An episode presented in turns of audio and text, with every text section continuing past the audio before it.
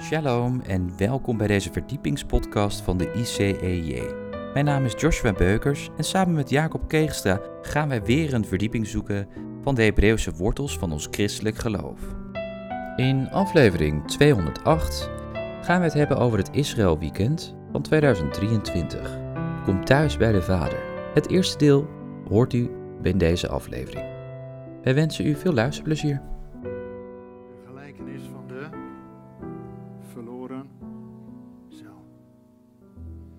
Weet u, als je het perspectief even iets anders hebt,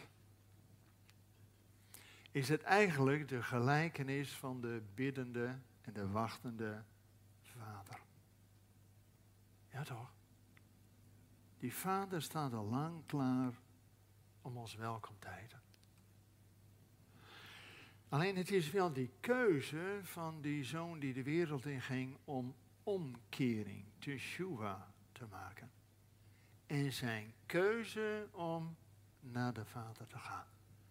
En dan stond die vader al lang te wachten, al lang met zijn armen open. Die jongen kreeg amper de kans om wat te zeggen. En zijn vader heet hem welkom. Zo mogen wij ook hier bij Bertolt thuiskomen. En weinig geestelijk thuiskomen bij de Vader. En als het vanavond, ja, dit is nog maar de inleiding. We hebben gelukkig een heel weekend om hierover na te denken. Want er zitten zoveel aspecten in dat thuiskomen.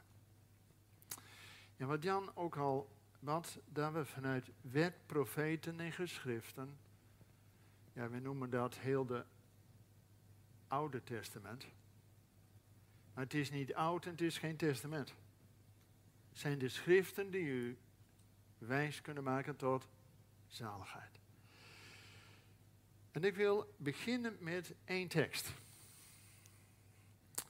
En dat is de laatste tekst in onze Oude Testament. Malachi 4, vers 5 en 6. U weet misschien wat het slot is van de Tenach van wet, profeten en geschriften. Wie weet dat toevallig? Twee kronieken, amen. En waar gaat het over? Het slot van de Tanach, dat is dat een heidense koning, Kores notabene, die zegt in het eerste jaar van zijn regering, als er nou iemand in mijn rijk deel is van Israël, hij trekken op. Hij maakt Alia. En die heidense koning geeft nog van alles mee om maar een huis voor de Vader, voor God en Israël te bouwen. Jongens, God kan ook heidense koningen gewoon gebruiken in zijn dienst. Amen.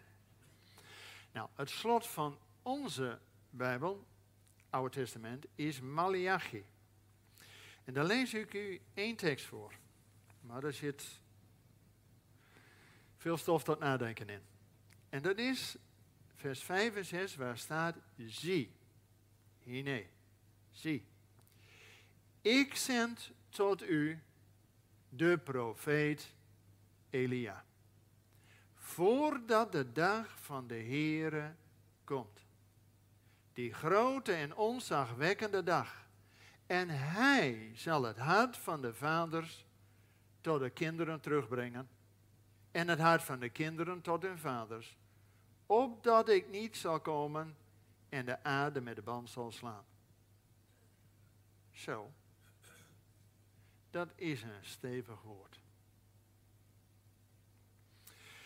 Mensen, deze tekst wil ik met u nadenken in drie onderdelen. Allereerst harmonie in het gezin. Tussen vaders en kinderen. Kinderen en vaders. Tweede, ook dat Israël terugkeert tot de vaderen.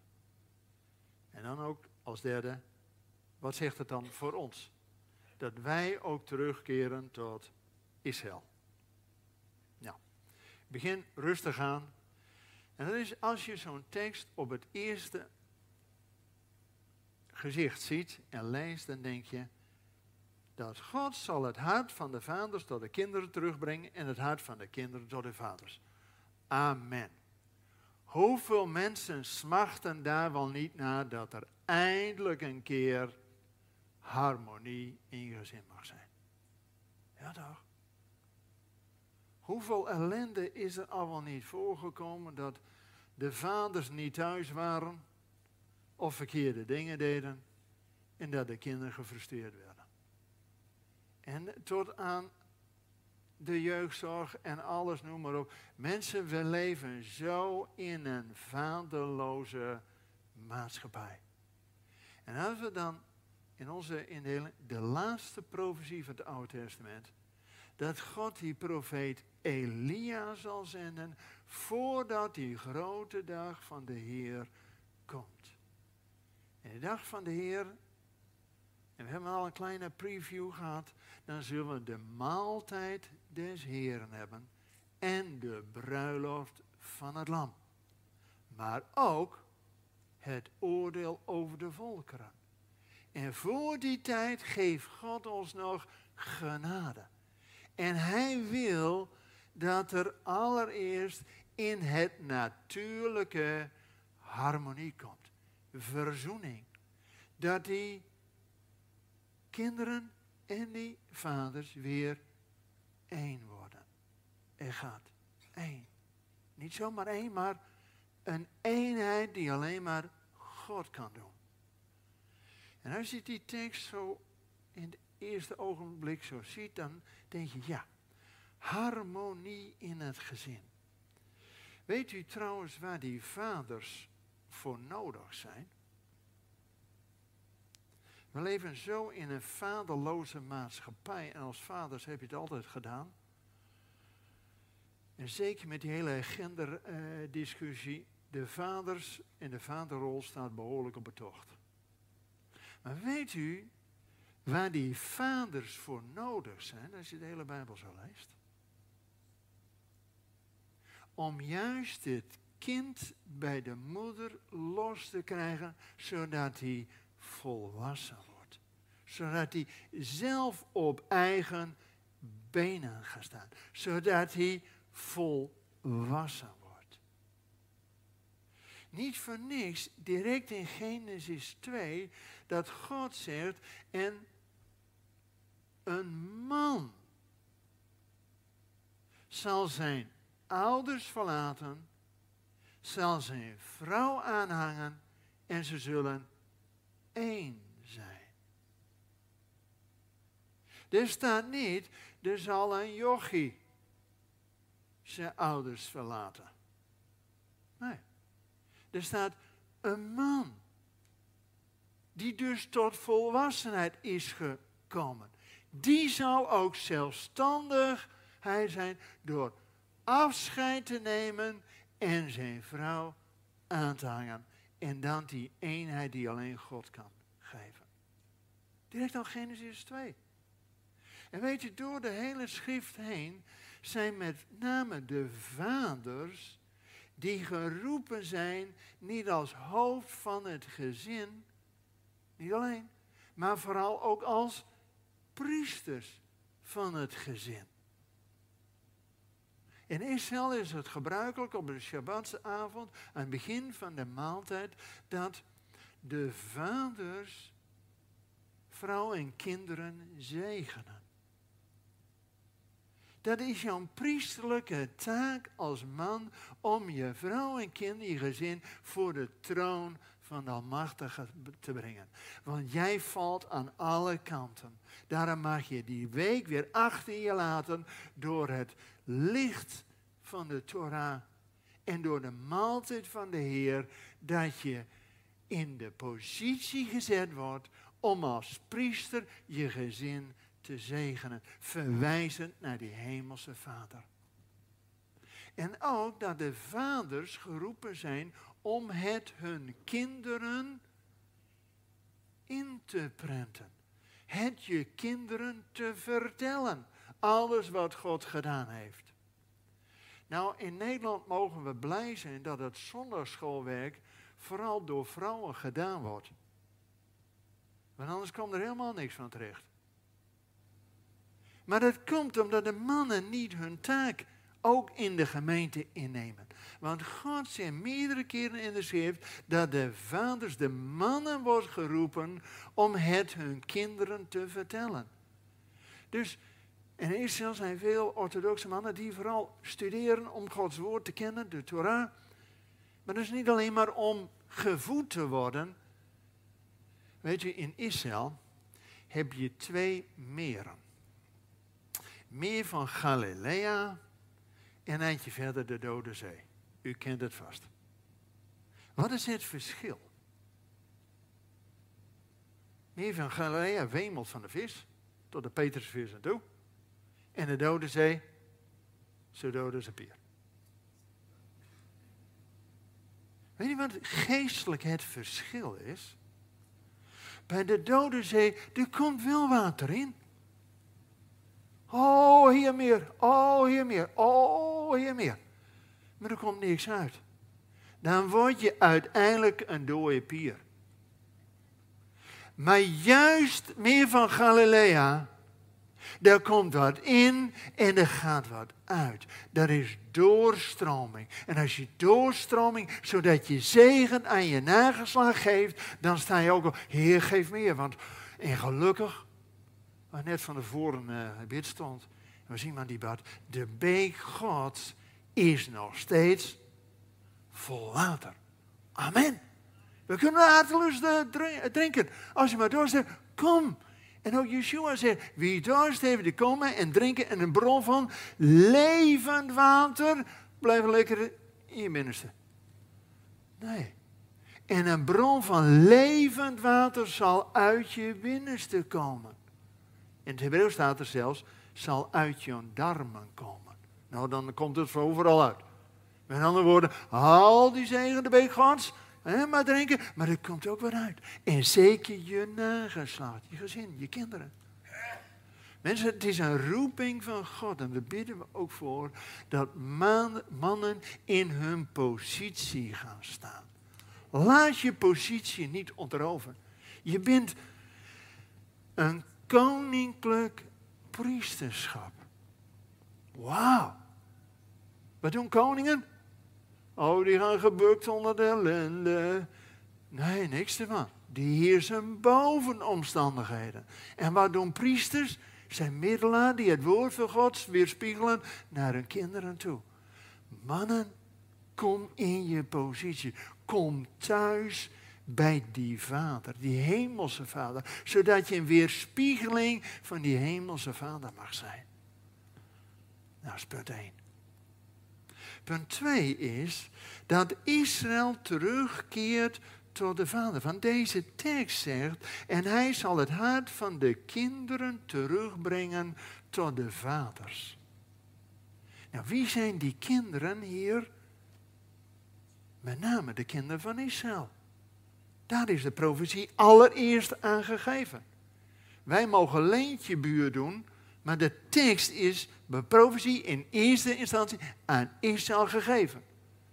Maar gelukkig dat ook wij door het geloof in Jezus zijn wij kinderen van Abraham en delen in zijn belofte. In de profetie die aan hen gegeven is, mogen wij ook door het geloof ook zelf omarmen. En dat is duidelijk in deze tekst, als je hem één laag dieper pelt, dat het hart van de kinderen van Israël terugkeert tot de vaderen. En wie zijn die vaderen? U weet het vast. Dat zijn Abraham, Isaac en Jacob. En weet u, dat is niet alleen dat Israël, de kinderen van Israël, terugkeren tot Abraham, Isaac en Jacob. Maar vooral dat ze terugkeren tot de God van Abraham, Isaac en Jacob. En weet u, wij leven in spannende tijden. Wij zijn de eerste generatie in 2000 jaar die het niet eens meer hoeft te geloven. Maar we kunnen het gewoon zien. Geloven wordt aanschouwen. En wat kunnen we zien? Dat God na 2000 jaar zijn volk terugbrengt naar Israël. En dat gaat in twee fases. Door de hele schrift heen, niet alleen met Israël, maar door de hele schrift heen, is het altijd eerst het natuurlijke en dan ook het geestelijke. En zoals Israël terugkeert tot het land waar Abraham, Isaac en Jacob woonden. En weet u, wij als Christelijke ambassade waren de eerste christelijke organisatie ter wereld die de Joden hielpen om Alia te maken. Mijn vrouw werkte toen voor de ambassade in Jeruzalem. En die heeft van de eerste 57 vliegtuigen vol met Russische Joden de checks namens de ambassade uitgeschreven. We waren de eerste organisatie die juist Joden uit Rusland naar Israël brachten. Gelukkig zijn meer organisaties erin. En over Aliyah gaan we morgen uitdrukkelijk een hele samenkomst over die Aliyah terugkeer. Maar we zien al in deze profetie dat God zijn volk, zijn kinderen terugbrengt naar het land. Fase 1. Maar wij bidden dat ze niet alleen terugkeren naar het land van Abraham, Isaac en Jacob, maar vooral naar de God van Abraham, Isaac en Jacob. En God staat garant, in zijn woord staat garant, dat het spoedig gaat komen. Want in een aantal teksten in de Bijbel staat, Ezekiel 37 onder andere, dan de dorre doodsbeenderen, dat Ezekiel moet profiteren. En dan komt er weer velden over en er botten aan elkaar, maar geest was in hen nog niet. En dan moet Ezekiel een tweede keer profiteren. Tot de geest die naar de vier windstreken is uitgezet, dus ook tot Nederland toe. Dat ook die geest over zijn volk gaat komen. Zodat het een machtig leger van Jeduim, Joden gaat worden. Weet u wat Juda betekent, Joden? Godlovers. Ja, eenmaal. Dan zul jij stage lopen bij Israël. Want dan gaan we nog wat meemaken. Dat notabene mannen uit allerlei stammen de slip van een Joodse man zullen vasthouden en zeggen, wij zullen met u meegaan. Want God is met u. Zij zullen ons voorgaan in de lofprijzing. Nou, dat betekent geestelijk een stel voor Israël. En weet u, God is er al mee bezig. En dan van de week Global Prayer, wereldwijd gebed, vanuit Jeruzalem. En er was iemand, Messiaanse voorganger, zei, inmiddels zijn er 30.000 Messiaanse Joden in het land. En door al die alia's, ze komen bij bosjes, nog veel meer. Uit Ethiopië en overal vandaan. God gaat hen terugbrengen. Eerst naar het land, maar ook zijn geest over hen uitstorten. Zodat ze terugkeert tot het hart van de Vader. Amen. En daar bidden we om. Ook dit weekend. Dat God de geest van genade en gebeden ook over zijn volk gaat uitstellen. Zodat ze mogen zien wie hun verlosser en hun Messias is. Oh mensen, kom jaar we zullen vuurwerk zien. En dan, uh, ja, we daarvoor bidden voor herstel van Israël, weet u, dat we dan ook nog 144.000 evangelisten er gratis bij krijgen. Staat in Gods woord, hè? Dat wanneer Israël tot geloof komt, nou dan zullen ze de wereld nog zegenen. 144.000 gedachten zullen vanuit Israël de wereld ingaan om die laatste oogst binnen te halen. Tadam, daar gaan we voor. Nou, punt 2 dus, dat Israël terugkeert tot het hart van de vaderen. En nu punt 3. Wat zegt dit nu voor ons? Want kijk, dat ook wij als gelovigen uit de volkeren. Mensen, we hebben 2000 jaar lang vervangingstheologie gehad. Dat wij, de kerk en de gemeentes, belangrijker waren en Israël had afgedaan. Nou, daar kan ik in de, zeg maar, als je nou leefde in de middeleeuwen, kan me daar nog iets bij voorstellen. He, toen was Israël, ja, waar waren ze? Maar zeker na 1948, na Auschwitz, na de staat Israël, daar kun je er toch niet meer omheen. Kun je toch niet je oude theologie vervanging meer vasthouden. Is toch te gek voor woorden mensen. Dat er nog zoveel kerken en gemeenten vasthouden dat Israël is afgedaan en dat het nu draait om de gemeente. Jezus kwam voor drie dingen. En er zullen drie dingen vervuld moeten worden voordat hij terug kan komen. De eerste is, hij zal licht zijn voor de volkeren. Nou, dat is de laatste 2000 jaar gebeurd. Dat vanaf Pinksteren is het evangelie vanuit Jeruzalem de wereld overgegaan. Het is bijna de wereld rond. De tweede is heerlijkheid voor zijn volk Israël. En als we hier al zien dat God zijn volk terugbrengt naar het land. En dat hij zijn geest ook over het land uitstort. Mensen met Pinksteren, hè. waren er maar 120 mensen hè, die Gods geest kreeg. Dat is echt nog maar zo'n klein vervullingje van die grote profetie uit Joel 2, hè. Maar dan zal Gods geest uitgestort worden op alle, nou, wat is alle vlees? Alle vlees. Nou, in ieder geval heel Israël. Nou, dan uh, zullen we nog wat vuurwerk uh, zien, hè? Dus dat komt goed. En de derde is, dus de eerste lichte openbaring voor de volkeren. De tweede is heerlijkheid voor zijn volk Israël. Daar is God bezig. En de derde is verlossing van Jeruzalem. En daarom bidden wij ook voor de vrede van Jeruzalem. Waarom? Zodat ook wij met Israël die rode loper uitleggen. En die Messias van Israël welkom wordt geheten. En hij als koning komt om op de troon van zijn vader te gaan zitten. En daartoe moest hij eerst naar de hemel om zijn koninklijke waardigheid in ontvangst te nemen. En hier op aarde het herstel van alle dingen. En wij delen in dat herstel van die alle dingen. Daar zal ik u morgenavond nog veel meer over uitleggen. Maar dat betekent dat wij van die vervangingstheologie af moeten.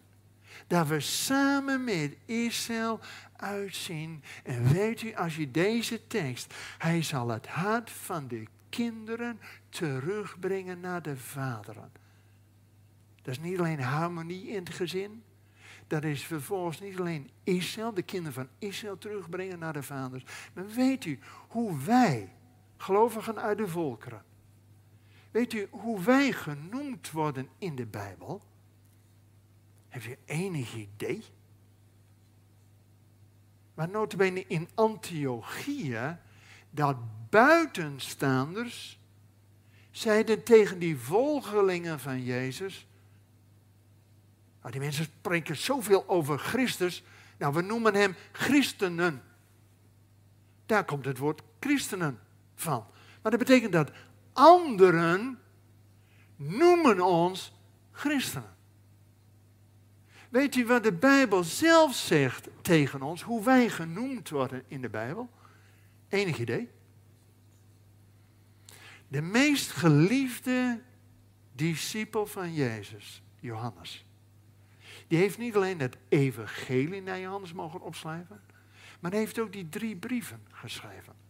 En als je die brieven leest, bijvoorbeeld de ene, eerste brief van Johannes, dan worden wij altijd kinderen genoemd. En wie zijn dan de vaders? Laten we eens gaan kijken. Kijk. Het is natuurlijk heel makkelijk te zeggen dat die vaderen vooral Abraham, Isaac en Jacob zijn. Amen. Dat is ook zo. Maar de tekst gaat nog even verder. Bijvoorbeeld aan Stefanus, de eerste mantelaar.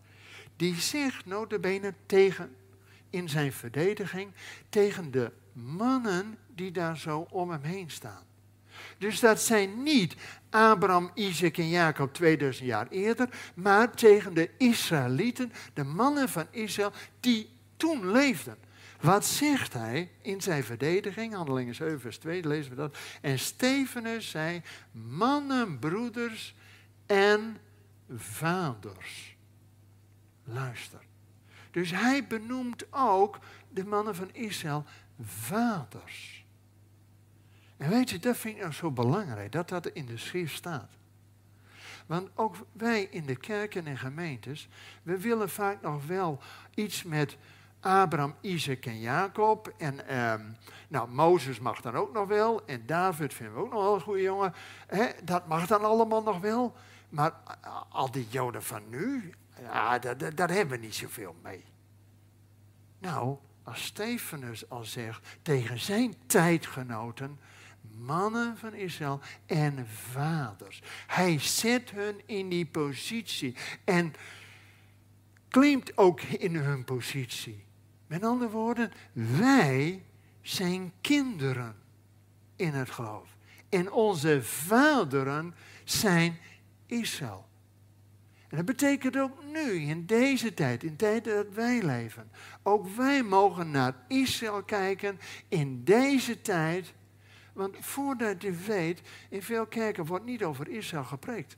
Maar oh, dat is allemaal zo politiek en uh, weet ik het wat. Jongens, als Stefanus al tegen zijn tijdgenoten zegt, jullie zijn vaders in het geloof en wij kinderen. Dan mogen ook wij tegenwoordig in onze tijd ook Israël door die bril bekijken en in hun positie aanspreken. Jullie zijn de vaderen. Wauw, niet voor niks dat mannen van allerlei volken zullen de slip van een Joodse man aangrijpen en zeggen, wij willen met u meegaan. En dat is niet van Abraham, Isaac en Jacob, dat zijn van nu.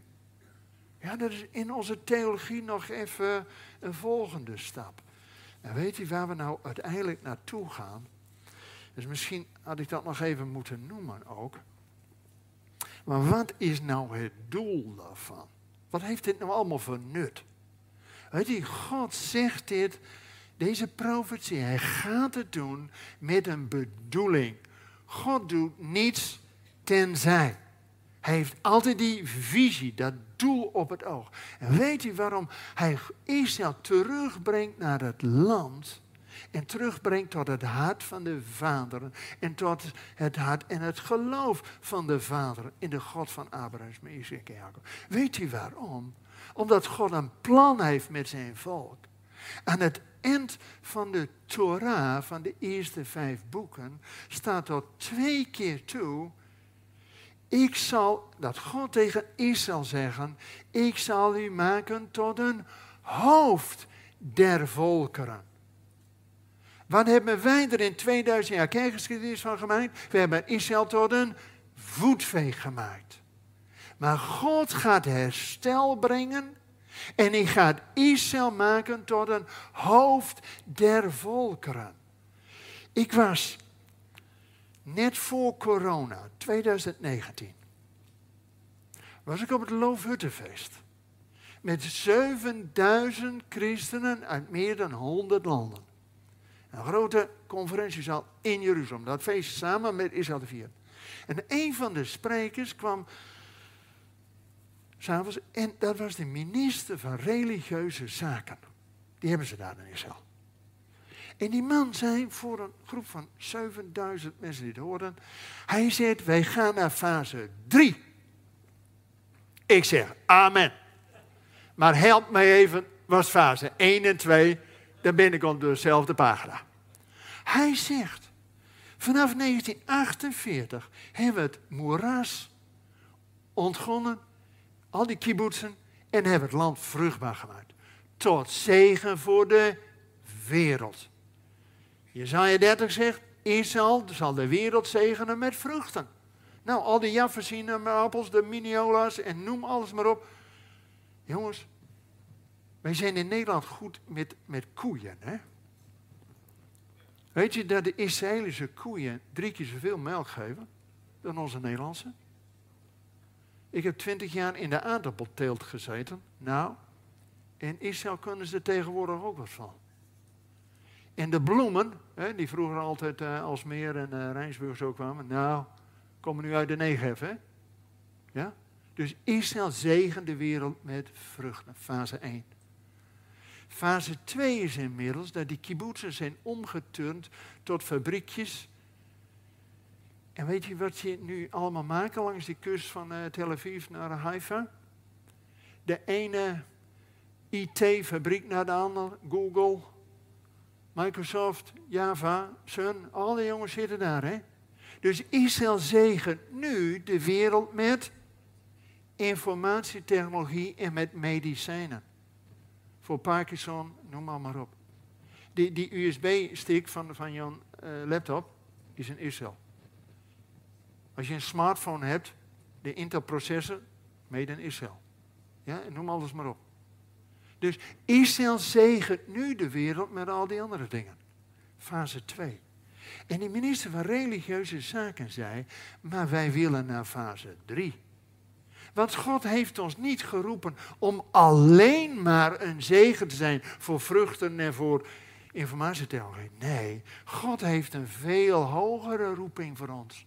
Slot van de Torah is, hij zal zijn volk tot een hoofd der volkeren maken. En weet u, die minister van Religieuze Zaken zei in 2019, met de vorige regering Netanyahu, is afgesproken dat ze ieder jaar 3 miljard shekel investeren in, en nou komt hij, in Bijbels onderwijs. Wauw, ik wist niet wat ik hoorde. Mensen, dat deden wij 100 jaar geleden in Nederland ook. We hebben in allerlei uithoeken van Nederland overal scholen met de Bijbel geopend.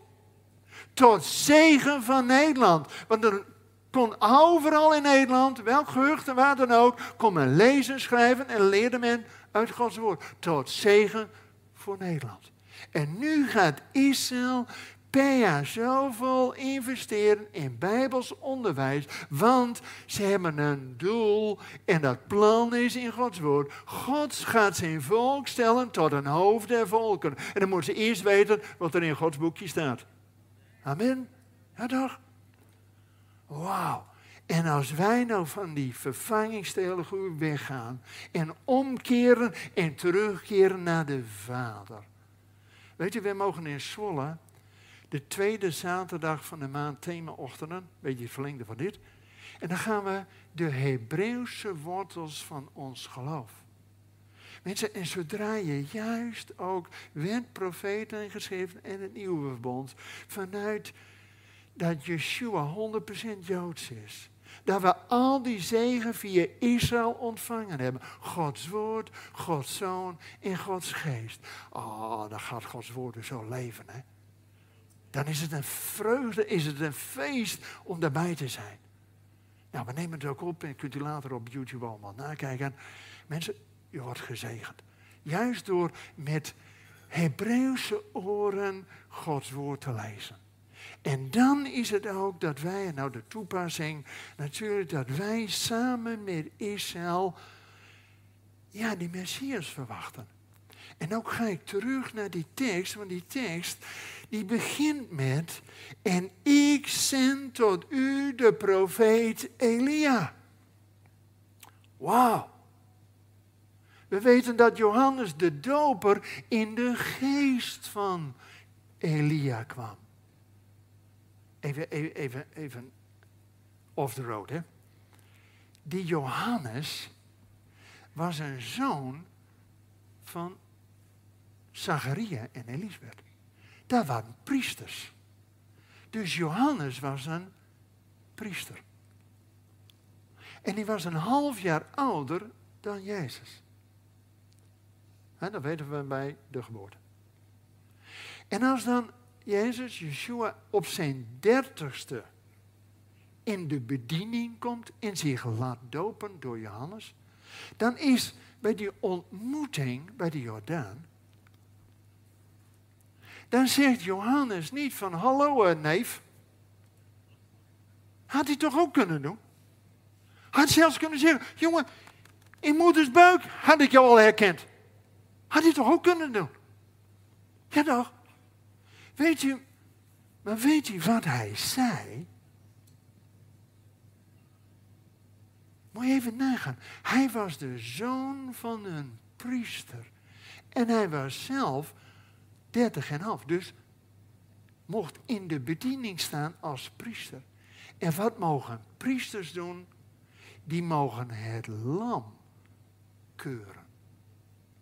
Dus hij, zijn hele opvoeding, alles wat hij deed, was het enigste wat hij zei. En dat is zo profetisch. Zie het lam Gods. Dat was zijn roeping. Meer was niet nodig. Daarna ging het naar Yeshua als het lam. Maar Johannes in de geest van Elia mocht profiteren. En diezelfde Elia, die heeft door één gebed een nationale opwekking teweeggebracht. Hè? Maar toen met dat hele gebeuren met de Agap en die uh, hè, op de Karmel, u kent dat, dat die 400 priesters voor Baal, oh, die gaan helemaal tekeer. En Elia zegt ten tijde van het avondoffer, op het moment dat God hoort en verhoort, zegt hij, kom bij mij. Want het hele volk hengt op twee gedachten. En hij laat het water nog zeven keer over het altaar en hij hoeft maar één gebed te bidden. En dan God beantwoordt het gebed. En wat doet al die omstandigheden heel Israël? De Heer is God, de Heer is God. Nationale opwekking. Begin bij één man die gelooft in een machtige God. En diezelfde God zendt die profeet Elia. Dat gaat nog een keer gebeuren. Voordat die grote dag komt. En dat is wanneer wij de bruiloft van de lam en de maaltijd des Heren vieren, maar tegelijk het oordeel over de volkeren. En mensen, het is nu nog genadetijd. Dat we ons omkeren vanuit al onze wegen, bypassen en weet ik welke we allemaal doen, maar ons keren naar de Vader. En dat we samen met Israël uitzien dat God van de Vader zijn zoon zet als koning op de troon. Amen of amen. Zullen we daar eerst kort voor bidden? Mag ik u voorgaan? Vader in de hemel. Bedankt voor het luisteren naar deze verdiepingspodcast van de ICEJ. Waardeert u onze podcast? Steun ons dan. Dat kunt u doen door een donatie of door deze podcast te delen met uw vrienden of familie. Ga hiervoor naar icej.nl.